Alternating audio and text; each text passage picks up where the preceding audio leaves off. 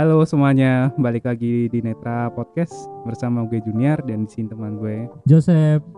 Oke, eh, jadi di episode kali ini kami sudah terhubung dengan eh, seorang mahasiswi yang sudah lulus dari S1 Filsafat UGM. Sekarang itu sedang pasca sarjana juga di UGM. gitu. Gokil. Keren ya? S- S2. Keren. Eh, langsung aja kita sapa ya. Oke. Halo Uca, Hai. Silakan eh, perkenalan dulu kali ya dari Uca ya. Perkenalkan tak sayang tuh. Hmm. Eh halo gue Uca. Sekarang Oke. lagi ambil pasca sarjana di UGM jurusannya PSPSR yang singkatannya itu pengkajian seni pertunjukan dan seni rupa. Masuknya ke Fakultas Sekolah Pasca Sarjana. Hmm, Gue lulusan dari S1 di Filsafat angkatan 15 lulus tahun 2019 kemarin terus coba ambil beasiswa LPDP tapi kemudian belum rezekinya. Ya akhirnya murtad dari filsafat ke seni. Ya sebenarnya nggak murtad murtad banget Murtad dong mas. sih tapi boleh lah karena dapat beasiswa dari sana juga. Oh. jadi it's okay. Kegiatan gue sekarang kuliah. Ya kuliah dan masih jadi manajer di kafe. All oke gue dari Wonosobo guys. Wonosobonya mana tuh? Sobonya di Kalikajar. Aja. tapi nggak nggak uh, asli situ sih jadi kayak bahasanya juga nggak kelihatan orang Wonosobo banget Kebetulan dari Kalimantan kebetulan lahir di sana terus gedenya di Jawa Hmm. Oke, perkenalannya cukup ya. Mungkin langsung aja Mhm. ke pertanyaan pertama nih. Paling basic banget nih. Jadi eh, waktu masuk filsafat itu apa sih yang bikin Mhm. kepikiran masuk filsafat itu? Apa di. Kasih tunjuk orang tuh harus masuk filsafat kah? Atau Mhm. bebas atau mentok pilihan terakhir? Gimana tuh? jadi karena kebetulan dulu gue sempat di pesantren kan dan Heeh. di pesantren itu ada beberapa yayasan yang ya membawahi sekolah-sekolah itu dan ketika kita mau daftar ke perguruan tinggi itu kayak udah diplotingin gitu loh Hmm. mungkin niatnya biar keterima semua cuman di sini kayak ya jadi kita nggak bisa milih sesuai passion kita gitu kan. Kebetulan waktu itu karena lebih dari IPS ya jadi concern ke sosum aja nggak berani ngambil yang saintek saintek gitu. Terus jurusan yang tersisa kayak udah belakang belakang banget itu ya cuman filsafat sama antropologi waktu itu. Dan karena mungkin gue nggak terlalu paham tentang kedua bidang itu ya sebenarnya kayak by accident aja sih waktu itu kan daftarnya SNMPTN nih udah bagus gitu aja Oke oke oke. Tadi kan lu eh, latar belakangnya IPS ya. Dan Mhm. lu akhirnya masuk ke filsafat by accident.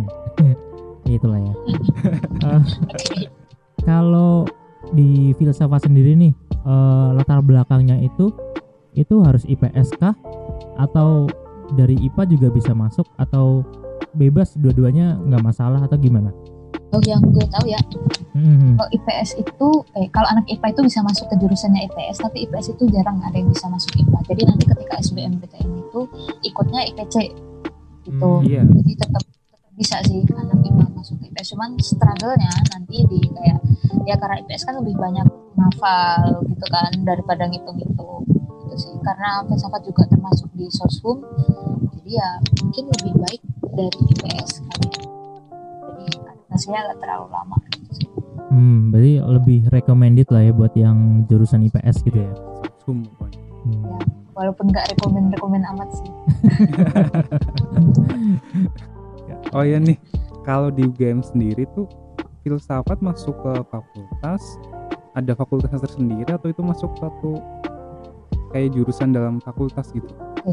jadi ini yang yang bikin keren sih.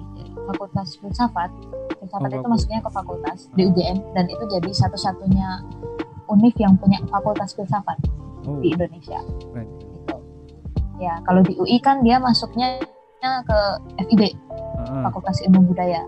Kalau di UGM itu tuh ada fakultasnya sendiri dan ada mata kuliah yang emang itu satu-satunya di Asia Tenggara itu filsafat Nusantara.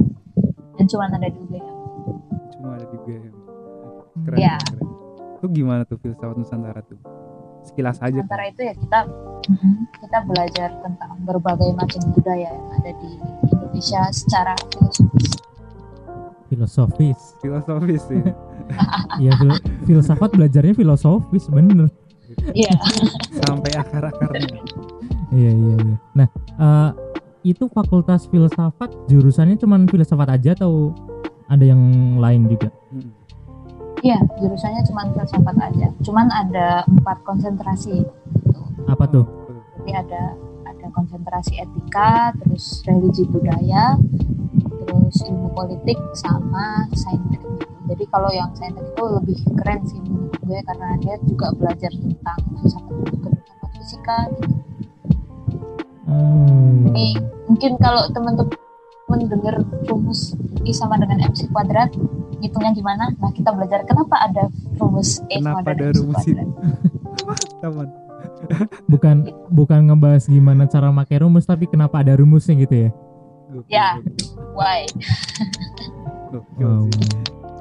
Oke oke oke. oke, kalau filsafat sendiri tuh kalau menurut Uca definisi tuh eh, sama kayak hukum gitu hukum kan nggak ada definisi bakunya gitu ya. Kalau di filsafat ada nggak sih atau sama hukum Oke. Eh, ini pertanyaan sering banget datang sih. oh, oke Kayak, harusnya "Oh, kenapa masuk filsafat? Filsafat itu apa? Kayak gitu Yes. kan. Eh, sebenarnya gue juga masih belum definisi yang pas buat di, share ke orang yang awam yang nggak tahu sama sekali tentang filsafat itu apa selain ya filsafat itu induk dari semua mau, masuk jurusan apa pun lu bakal ketemu filsafat cuy. Ya karena ya kita belajar bener apa yang tadi Bunda bilang. Kita belajar semua itu tuh sampai ke akarnya. Tapi orang awam mungkin belajar sesuatu yang radikal itu dikonotasikan sebagai hal yang negatif ya.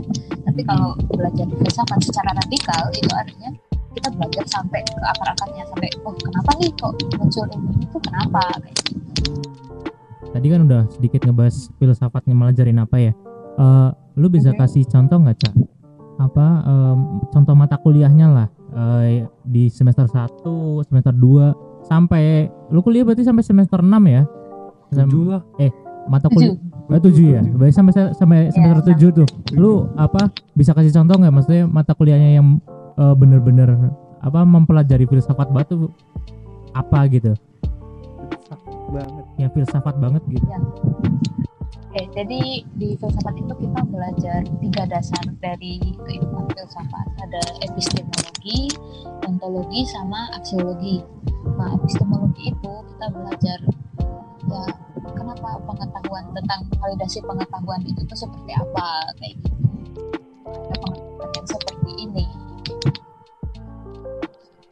Aksiologi itu dia belajar bagaimana nilai dari sebuah kalau kita belajar tentang pengetahuan ya berarti nilai pengetahuan itu sendiri kalau kita belajar tentang kehidupan ya nilai dari kehidupan itu sendiri kalau ontologi ontologi itu ini yang menarik sih kita belajar kenapa ada itu ada Kenapa kenapa? oh paham Kenapa? paham paham Kenapa ada itu ada? kenapa Iya. ada itu ada gitu.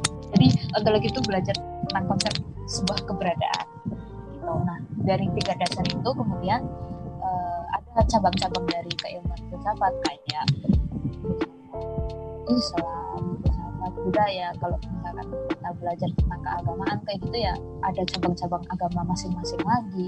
Terus ada filsafat aliran yang dari timur, dari barat, kayak gitu.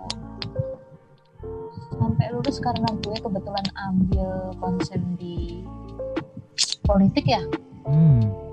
Terus waktu itu ambilnya lebih ke feminisme karena di situ bahas maskulinitas juga sih. karena menurut gue kayak ya politik yang lebih bisa masuk ke mana-mana kayak gitu termasuk ya ya kehidupannya yang gue sukai bahas filsafat nih eh, kan banyak banyak oke banyak filsuf tuh kalau dari lu filsuf favorit Aha. tuh siapa gitu kenapa sih menjadi favorit atau jadi panutan gitu. Oke. Favorit sama panutan sama atau enggak? Ini langsung bahas skripsi aja ya karena Yes. kebetulan ini masih masih fresh banget di otak gue gimana gue kerjain skripsi kemarin kan itu ambil filsuf dari Prancis namanya Pierre Bourdieu. Sorry? Jadi dia Pierre Bourdieu. Pierre? Pierre Bourdieu Bourdieu oke ya emang agak susah sih bukan burjo ya Prancis gitu ya bukan tidak ini kalau Oke. Bourdieu A Sunda mas ah, iya. Udah. iya iya ini A Prancis oke Nah. oke Jadi dia itu memunculkan teori yang namanya dominasi simbolik.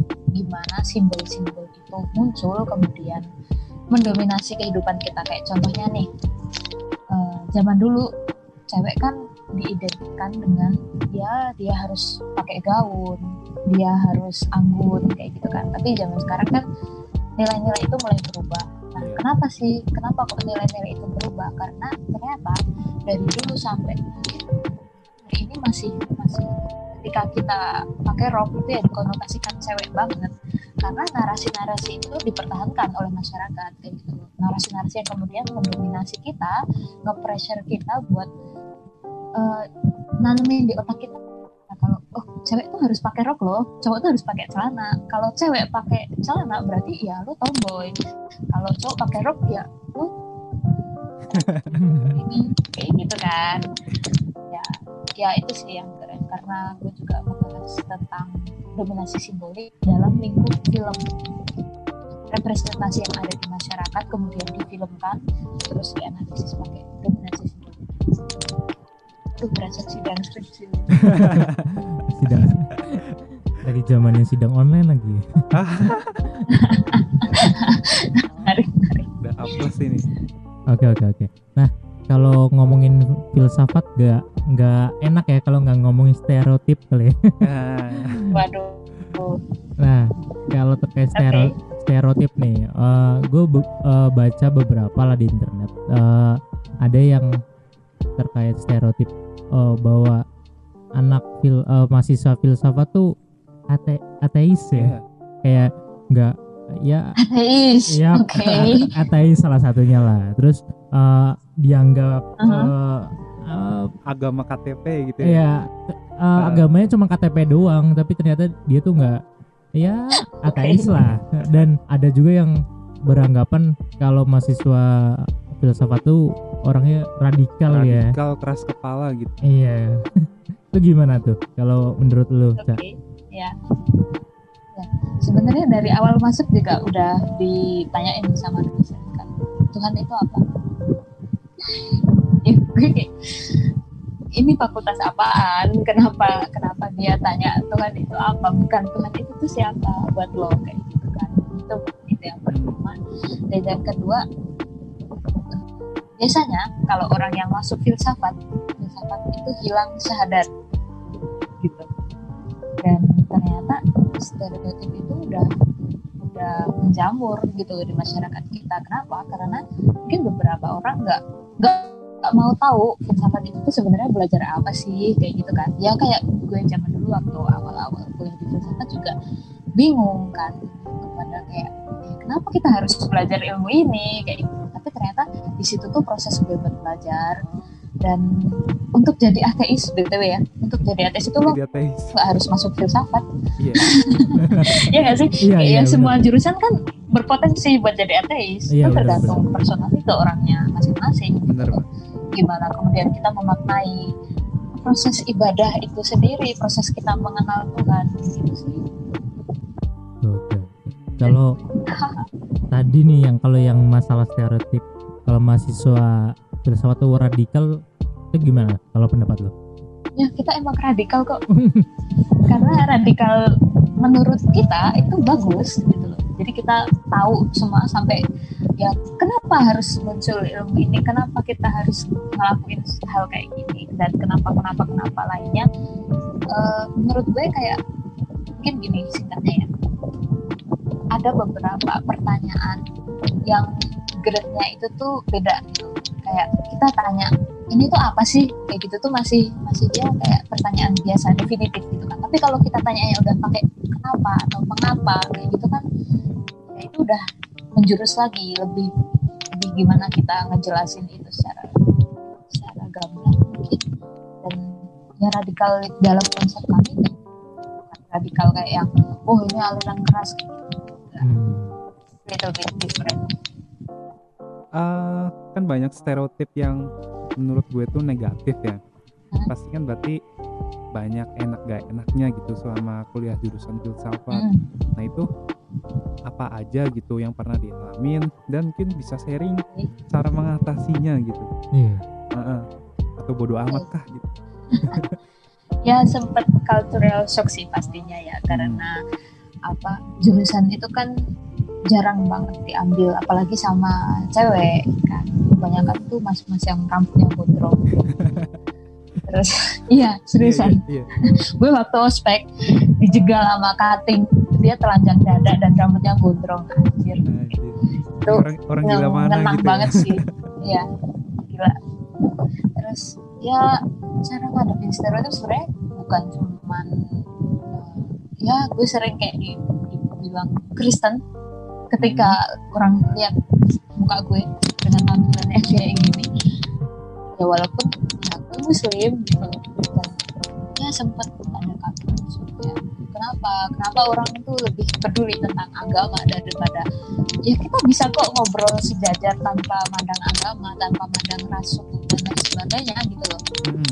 jadi ya ke sini ke sini kayak ya udahlah terserah lo mau mau mandang gue kafir lo mau mandang gue murtad ya it's your opinion dan gue coba buat tutup telinga karena gue punya dua tangan buat tutup telinga gue bukan buat nutup mulut mereka gitu iya iya Kalau enaknya apa?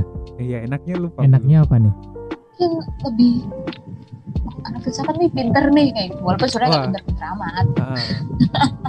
jago berat jago bacot aja sih iya jago bacot gitu caranya Jago silat lidah ya. silat lidah waduh berat berat Kita ngomongin soal mata kuliah nih.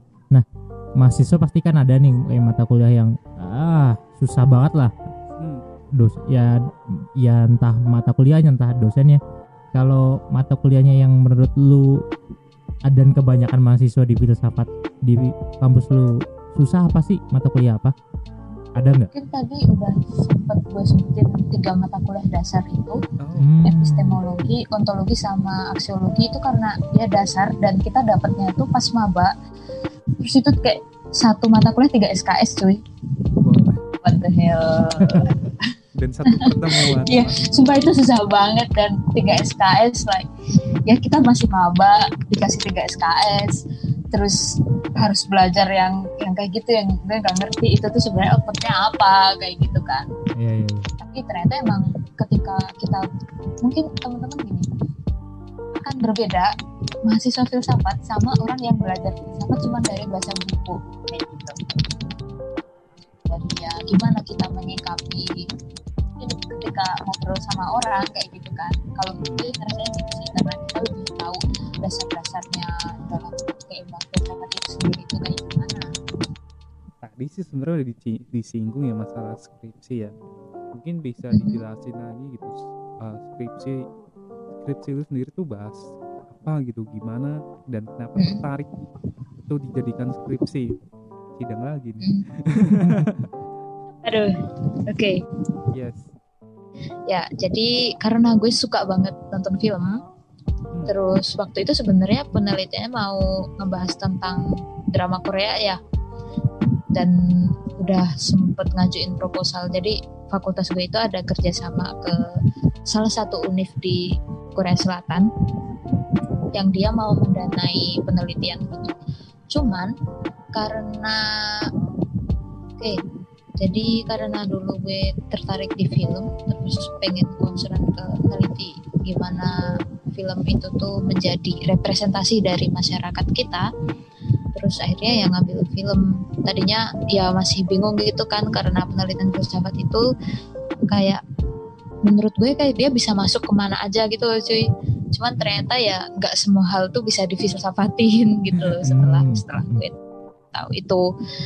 Terus akhirnya concern ke film dan ngambil waktu itu filmnya Beauty and the Beast. Mungkin teman-teman pernah nonton ya jadi gue ngambil lebih kepada karakter Belenya itu karena dia manly banget gitu. Dia pemberani terus dia tuh yang justru dia yang nyelamatin bis kayak gitu loh. Biasanya kan kalau di film Disney Princess itu ceweknya yang diselamatin sama cowok sama si pangeran kayak gitu kan. Tapi uh, gue ngerasa kayak film ini kok beda kayak gitu. Nah gue ngambil sisi maskulinitas dari si Bellenya itu terus pengertian di filsafat itu kebanyakan ya ya meneliti tentang manusia bisa tentang film bisa tentang novel buku atau apa pun itu yang bisa kita ambil nilai filosofisnya. Gitu. tergantung kita lihat dari segi mananya kan. Gitu deh. Jadi kayak mungkin gue bisa bilang ini sebenarnya cocok logi aja sih. Cocok logi gitu. Jadi Ha-ha, jadi gini, karena kebetulan uh, penelitian gue kan ngebahas tentang film, terus dikaitkan dengan maskulinitas, pakai teorinya Pierre Bourdieu yang berupa dominasi simbolik. Ternyata nggak pas. Nah, ketika teori dan eh, ya ketika teori dan objek yang gue teliti itu nggak pas, mungkin kalau di teman-teman saintek ya berarti itu gagal gitu kan ketika teori dan praktik itu beda kan gagal tapi kalau di kita tuh enggak kalau di kita jatuhnya kritik jadi kita ngeritik si filsuf itu sendiri bahwa eh teori lu nggak pas nih ketika dicantumin di sini kayak gitu uh, hmm? menurutku tentang stereotip lagi nih anak filsafat Aduh. cuma tahunya sebatas okay. teori itu menurut lu gimana? Nah, hmm, sebenarnya itu personally balik ke orangnya masing-masing sih ya karena dulu gue juga sempat ada di posisi kayak tahu teori doang nggak ngerti praktiknya gimana. Tapi setelah ke sini ke sini ya mungkin praktiknya lebih kepada kita ketemu banyak orang di luar fakultas terus kita ya kayak gue jadi manajer gitu kan kerja di usia yang ke 21 tahun cuy.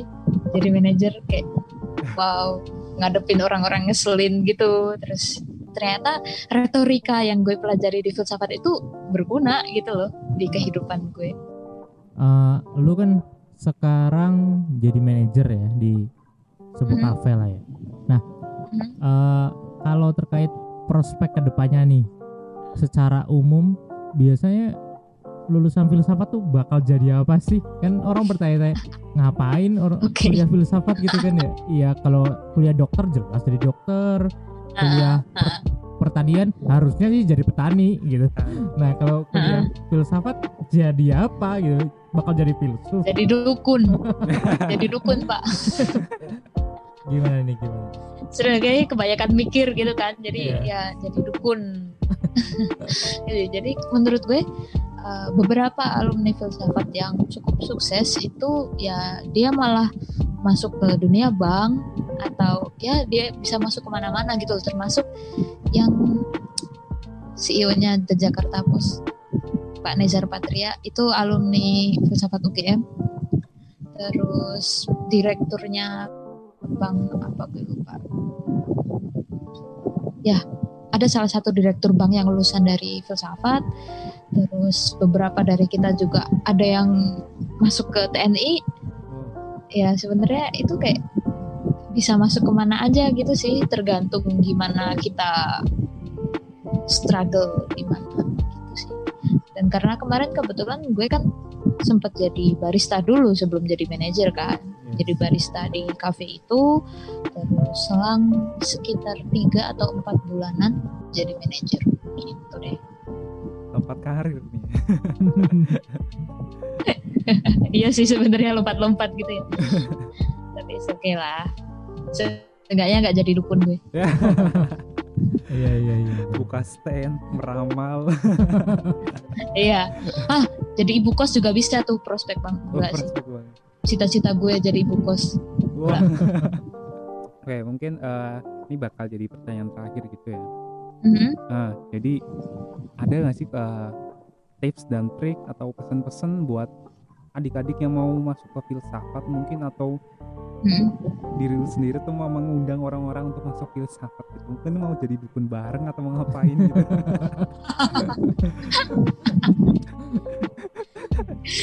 ya oke okay.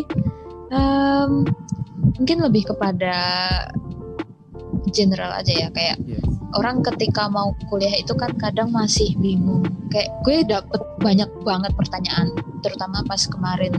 Orang tahu kalau gue lulus beasiswa pasca sarjana. Terus beberapa pertanyaan yang agak nyeleneh ya kita sharing aja ya. Kayak orang tuh tanya cak lo kenapa sih milih jurusan itu? Terus kira-kira jurusan yang pas buat gue apa? Lah kenapa lo tanya ke gue? gitu kan. Maksud gue gini uh, harusnya orang ketika mau mendalami sesuatu entah itu kuliah entah itu kerja itu kan dia harus tahu passion dia itu tuh di mana. Yes. nah kayak gitu biar ke depannya juga jalannya enak. Karena ya kita ngelakuin hal yang di luar passion kita susah loh. Apalagi dulu tuh sempet ya gue bahkan 4 semester itu masih ngerasa salah jurusan cuy. Kayak anjir gue masuk fakultas apaan terus ntar mau jadi apaan kayak gitu. Tapi Iya, iya. ya intinya ketika kita menuntut ilmu ya ya udah nuntut ilmu aja buat ngilangin kebodohan gitu kan. Yes. kalau kata hadis bede ngomongin Iya, iya. hadis coy.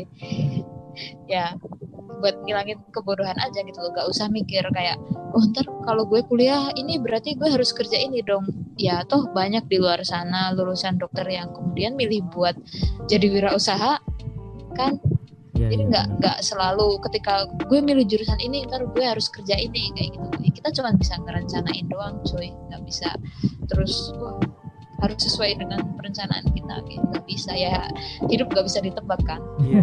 Iya, benar, Hanya bisa berusaha dan berdoa. Berusaha dan berdoa. ya terakhir nih benar-benar terakhir nih dari apa lu Wih. sempat ini benar terakhir nih. lu tuh sempat bilang tadi eh, lu sempat empat semester masih bertanya-tanya gitu kan ya Mm-mm. artinya eh, lu sempat apa ya ragu ragu sama apa yang udah lu jalanin gitu kan Eh, lu ada tips and triknya nggak sih maksudnya eh, buat mahasiswa-mahasiswa yang mungkin sekarang lagi ambil filsafat nih mungkin ada ada sekarang ada di posisi lu eh, ngerasa ragu sama apa yang udah diambil Tips biar buat tetap tetap semangat tetap enjoy tetap survive di jurusan filsafat ini gitu Oke, karena kebetulan waktu itu gue kuliah sambil kerja ya. Dan eh, kerjanya itu ngajar plus jadi TU. Hmm. Jadi waktu gue udah udah full di ya setelah kuliah ngajar, setelah ngajar di administrasi kayak gitu tuh tiap hari muter di situ dan gue nggak gue ngerasa gue nggak punya waktu buat belajar gitu loh. Sedangkan di filsafat itu karena kebanyakan mata kuliahnya itu diskus gitu loh bentuknya dan kita ujiannya lisan gila nggak sih? Jadi Wow. sebelum kita ujian skripsi itu kita ujian lisan udah kayak biasa banget gitu loh ujian lisan terus ya mungkin beberapa dosen ada yang ngasih pertanyaan menjebak dulu sebelum ke pertanyaan inti kayak gitu kan. Mungkin tips dari gue ya jangan sampai ketika kita milih suatu jurusan atau kita ketika kita ngelakuin sesuatu itu jangan sampai nggak selesai gitu loh. Karena kita milih buat itu jadi ya rajin-rajin baca sih yang jelas. Kayak semua jurusan sama ya rajin-rajin baca Hmm. belajar terus cari literatur entah itu dari jurnal nasional internasional kayak gitu. Karena kebetulan anak UGM itu gue ngerasa kayak dia udah dapet apa ya udah dapet keistimewaan sendiri gitulah. Pride-nya ya? Dia punya akses Heeh, dia punya akses ke jurnal internasional dan itu free. Gila gak sih? Kayak mungkin dari univ lain nggak bisa ngerasain itu kayak harus bayar dulu buat cuman buat baca jurnalnya dan kita dikasih akses itu ya kenapa nggak dimanfaatin secara maksimal fasilitas di kampus kayak gitu jangan cuman kuliah lo buat ngisi fit IG doang gitu loh Padahal mah tidur di belakang gitu ya. Iya, iya, iya, iya. Ya mau ucap terima kasih nih buat Uca. Uca, uca. oke Ah, itu dulu ya dari kami ya. Iya, Ah, mm, pertanyaan-pertanyaannya bisa jadi buat notice banget nih ah, adik-adik tingkat yang mau daftar kuliah ke depannya ya sekarang udah nggak ada ya atau yang udah merasa merasa merasa salah jurusan melihat podcast ini langsung wah tahun depan fix pindah jadi gitu jadi pengen masuk filsafat gitu ya. Filsafat gitu. Ya paling Ya. apa intinya kalau buat eh, yang mau masuk filsafat ya dipersiapin lah ya. Maksudnya dari sisi mental juga dipersiapkan gitu Iya. macem. Apa Ya, apa ya yang semua jurusan sih iya Iya. karena kadang gini oh mungkin eh, kita waktu SMA itu seneng banget belajar kimia kan terus Hmm. pengen masuk jurusan kimia ternyata pas di dunia perkuliahan tuh beda gitu loh Iya, iya. ya kita harus siap dengan segala kemungkinan terburuk aja sih mau jurusan apa pun itu jadi uh, Iya, intinya nih yang ketangkep nih jadi ya berusaha semaksimal mungkin berusaha berdoa Mhm. ya kalau ada yang perlu bodo amat bodo amatin aja gitu ya. Gitu nggak poinnya. Tips- jalanin aja. Iya tips dan trik dari jurusan filsafat. Oke. oke ya. Kayaknya segitu Oke. dulu dari episode ini. Ah, terima kasih Uca. Kami tutup. Oke oke terima bye. kasih. Bye. Bye.